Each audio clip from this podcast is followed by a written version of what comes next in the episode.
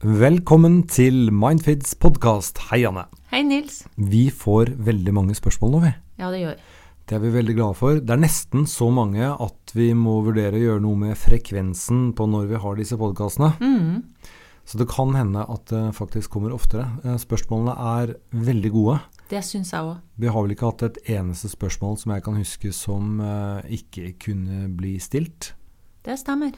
Så da tar vi det første nå. Mm. Jeg leser Hei, jeg er en kvinne i slutten av 20-årene som er i et langvarig forhold med en mann som jeg har eh, et barn med. Vi har hatt mange utfordringer de siste årene med vanskelig økonomi, arbeidsledighet, familieproblemer og sykdom. Jeg har slitt mye med angst og depresjon, noe jeg får behandling for. Til tross for dette har det fint sammen, det har vi, og jeg mener at vi klarer å skape et trygt og godt hjem for vårt barn. Problemet er at jeg hele tiden tar meg selv i å lengte etter noe annet, og det er vanskelig å se for seg at vi skal leve resten av livet sammen. Vi ler mye, krangler lite, men den fysiske tiltrekningen er dessverre helt fraværende. Kan vi finne tilbake til hverandre på den måten? Vet du hva jeg tenker eh, sånn først og fremst? Det at dette er jo et veldig Det tror jeg mange kjenner på etter hvert i et samliv. Altså det her med er det vennskap, er det noe mer tenning imellom oss?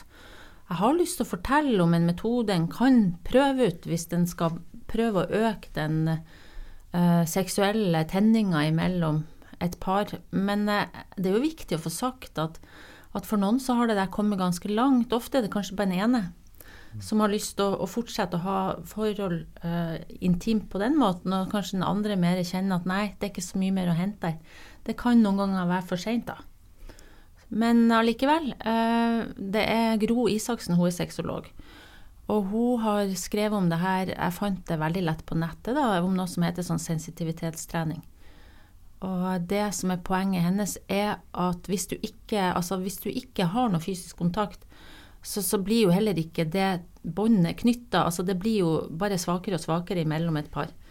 Uh, og at uh, en må på et vis bruke tid på å ta på hverandre på en ikke-seksuell måte. Liksom, det, det, er noe med at en kan jo ikke starte med å, å bare hoppe til sengs. En må uh, sette av tid til trening der hun sier og foreslår at det å massere hverandre etter tur, Uh, hun foreslår å bruke en time på det, en halvtime på hver. Um, Sette av tid til det flere ganger i uka. Som hun sier, uh, at berøring gir ekstra doser av et stoff som heter oksytocin. Og det er et stoff som, som hjelper å knytte bånd. Ja. Mm. Og at denne massasjen da blir en måte å komme nær hverandre på. Uh, og at da er det sånn at da må en ikke bryte de grensene da, og gå over i å ha seksuell kontakt heller. En må holde seg til agendaen. Så ifølge henne, og det tror jeg er sant, så kan det her bygge opp en tenning imellom et par igjen. Men det er klart, det, det fordrer også at en kommuniserer om det, og at en snakker om hvilke tenningsmønster en har, og hvordan en sammen kan være sammen på det her viset, da. Ok, men, men, to ting før du går videre. Ja. Eh, altså Nummer én, eh, det er altså slik at eh, seksuell kontakt har en misjon. Altså, mm. Og misjonen, det handler egentlig om å knytte tett bånd. Mm. Og hvis den er fraværende, så blir det båndet eh, ikke så sterkt. Mm. Og at man kan begynne å liksom knytte det båndet igjen, men da er det lurt å gå via berøring. Mm. Fordi det frigjør et kjemikalie Mm. som igjen gjør at man kan knytte dette seksuelle båndet. Ja, og, og, og det, fri, altså det kjemikaliet som frigjøres, det, det knytter tettere bånd, og det også kan få i gang igjen det der seksuelle tenningsmønsteret, da. Eh, Men dette er jo ikke noe automatikk i, da. Fordi jeg har jo opplevd å jobbe med par uh, der dessverre er de i utakt. Altså den ene har kommet altfor langt i prosessen med at jeg, jeg kjenner dessverre ikke på noe mer. Jeg har prøvd, og det låser seg helt. Og de klarer ikke å gjennomføre det her, denne sensitivitetstreninga heller. Nei. Men da øh, tenker jeg at det er lurt å søke seg hjelp, sånn at en i hvert fall får snakka om hva som skjer i denne situasjonen, sånn at en ikke bare går og har det fælt på hver sin kant, hvis du skjønner. Mm. Men det er en veldig vanlig årsak til, liksom, iallfall som jeg hører, da, Mm. eh, at man ikke er sammen lenger, eh, ved at man sier at eh, nei, det utviklet seg til vennskap. Sant nok. Det som også er i dette tilfellet, så det her innlegget, det er at hvis du har angst og depresjon en del av de, Jeg sier ikke at det gjelder for denne innsenderen, men en del av de som går til meg som er deprimert, hvert de sier til meg at de syns det er vanskelig. fordi du vet at en av de tingene som skjer i depresjon, det er at en mister interessen for det som en egentlig har interesse for opprinnelig. Sånn at de syns det er vanskelig å, å, å, på et vis sortere hva det her er. Er det bare den generelle depressive tilstanden min, eller er det faktisk at jeg ikke har mer sånne type følelser for mannen min eller kona mi? ikke sant? Mm. Men oppsummert da, så er det Altså, hun har jo skrevet dette. Ja. Eh, så, så, hun har jo ikke kommet til den konklusjonen at uh, løpet er kjørt. Nei, jeg tror ikke det. Så da er det vel greit kanskje å spørre om hjelp? Ja, jeg tenker at uh, i tillegg til en sånn sensitiv Altså hvis du går og søker hjelp, så vil nok ofte en parterapeut kanskje foreslå denne type sensitivitetstrening òg. Så da har du jo hjelp samtidig. Altså noen du kan snakke med om hvordan det går og sånn underveis òg, da. Mm. Så jeg tenker at uh, mange ganger så er det lurt å søke seg hjelp. Men hun får også behandling for depresjon. Mm. Og det du sier da, er at det her kan faktisk ha noe med dette å gjøre. Så det er kanskje litt lurt å, å spørre den hun får behandling eh, mm. hos, om mm. det, kan dette ha en innvirkning på at jeg ikke mm. liksom finner tenninga med partneren min Absolutt. nå? Absolutt. Det kan være uh, veldig ok å få reflektert over det her sammen med en nøytral part uten at mannen er til stede òg. Men så tenker jeg også at dette er en egen greie, sånn at uh, hun får ikke fiksa parforholdet med å bare snakke med en terapeut på egen hånd. Så dette er noe de i så fall må gjøre i fellesskap, og da er jo hun nødt til å være åpen overfor sin partner om at hun føler og har det sånn som det her, for det er det òg mange som ikke gjør, vet du. De, de velger kanskje å skjule hvordan det er fatt òg, da. Og da blir jo også avstanden større i forholdet. Og så hører du vel også med til historien, hvis jeg husker spørsmålet riktig, er at de har jo hatt uh, sitt å slite med når det gjelder vanskelig økonomi, arbeidsledighet, familieproblemer og sykdom. Ja. Og det er klart at uh, Det er energitappere. Ja, og, og, det innbyr kanskje ikke til å knytte tette bånd. Altså, da har man for mye i hverdagen. Hvis belastninga blir for stor på sånne områder, så tappes den jo for energi. Det er jo ikke så lett da å, å finne energi til å ha et godt parforhold oppi alt. Mm. Så, så ta dette opp med terapeuten din. Ja. Eh, les gjerne Gro Isaksens eh, råd. Ja. Og rett og slett lykke til. Ja. Da går vi videre eh, til neste spørsmål, og jeg leser Hei. Jeg har fått høre at barnet mitt dytter de andre barna i barnehagen. Han slutter ikke når han får tilsnakk av voksne, eller når barnet sier stopp. Barnets far er voldelig, men han vokser opp kun med meg. Er det mulig at det å være slem går i arv fra faren. Hilsen bekymret mor. Ja. Uh, jeg tenker at det med arv Det er jo ikke sånn enten-eller. Det er viktig å få sagt. Det er jo ikke sånn at enten er noe arv, eller så er det miljø. Det er et samspill mellom arv og miljø, der du egentlig blir påvirka miljømessig. Du blir jo påvirka helt fra du ligger inne i mors liv. Uh, sånn at jeg tenker uh, med det at du alltid kan bli påvirka av hvilket miljø du vokser opp i, så har du jo alltid også en mulighet til å få endra på ting. Læring kommer jo òg inn her, og det står jo heller ikke i kontrast til det her. sånn at Den kan jo lære å utvikle seg, til tross for de genene en har. Men det er jo ikke til å stikke under en stor stol at vi er født med ulikt temperament og ulike forutsetninger for, for å ta imot det som skjer i verden. Uh, og så tenker jeg at uh, det er jo det er noe med at den her det var en gutt, hun hadde en gutt. Mm. ja. Det er noe med at denne gutten, hvordan han også skal bli møtt, da, som, som kan forhindre og forebygge at dette eh, problemet blir større, tenker jeg.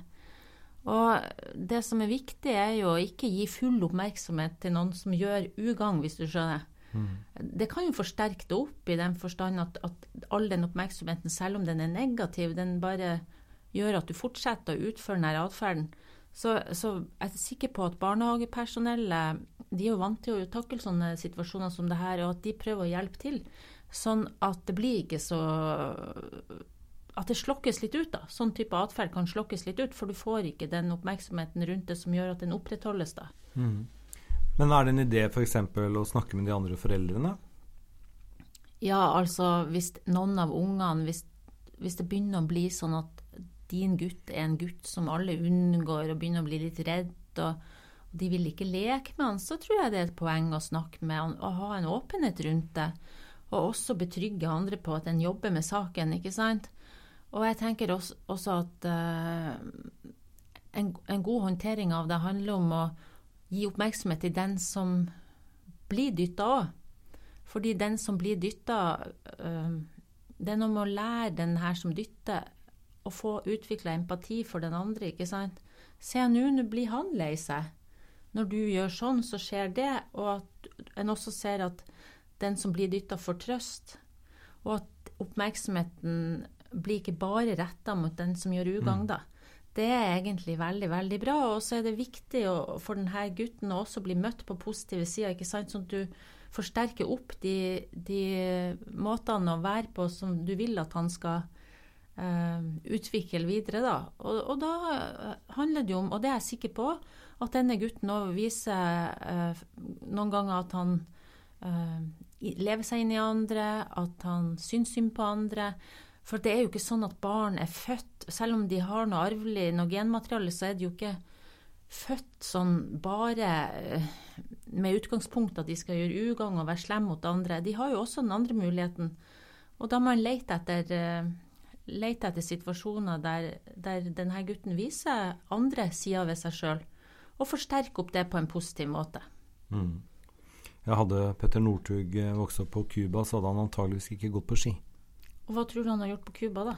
Da tror jeg han hadde blitt flink i en annen sport. Altså, ok, Hvilken sport er det i Cuba, for å si det sånn? Var ikke det som var poenget ditt? De, de, er veldig flinke til å løpe. Altså, poenget mitt er liksom at uh, arv og miljø det er jo endeløse diskusjoner ja, det om det, men det er liksom ikke sånn at uh, fordi at faren var voldelig, så vil sønnen bli det. Nei. Eh, altså det som trigger, eh, har trigget voldeligheten hos eh, pappa, mm. Eh, er noe som altså Det kan jo være temperament og sånne ting, mm. men det kan også kanaliseres hos denne gutten positivt. Altså Man kan f.eks. bruke dem i idretten. Ja, Det er jeg helt enig med deg i. Du kan bruke temperament på en positiv måte hvis du setter deg mål, og det er jo mye vilje i temperament òg.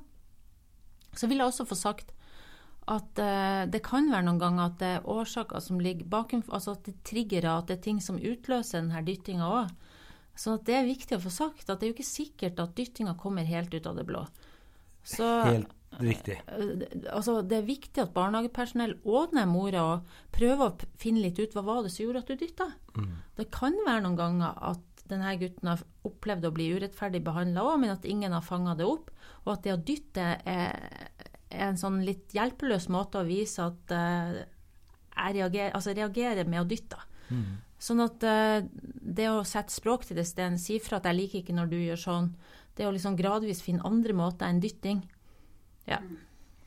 Det var uh, veldig viktig. Altså, ja. En historie starter ikke et sted, den har bestandig en annen begynnelse. Vet du hva, Jeg har opplevd veldig mange ganger at de ungene som blir liksom fremstilt som de har sinneproblemer eller er vanskelige, de har sin egen logikk i hvorfor de gjør det de gjør. Og at hvis de blir møtt på og forstått på hvorfor de gjør det de gjør, altså får anerkjennelse for det, så er de også i stand til å endre den atferden.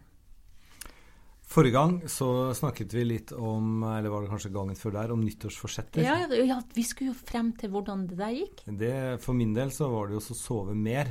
Ja, det var Og så skulle jeg lese bøker.